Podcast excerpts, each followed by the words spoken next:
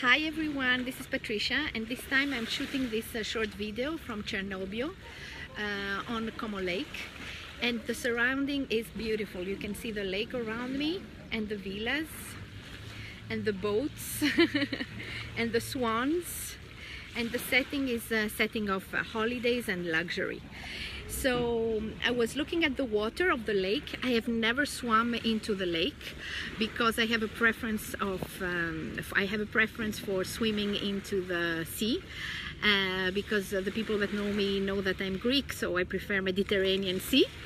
And uh, the metaphor that I had for you today is to ask yourself, where in your life you're invited to just jump into the water and just taste something that you have never tasted before without judging yourself or without making films you know about what could happen it's not good enough this could happen to me and I don't want this to happen to me and all the stories that we tell to ourselves. Thank you for listening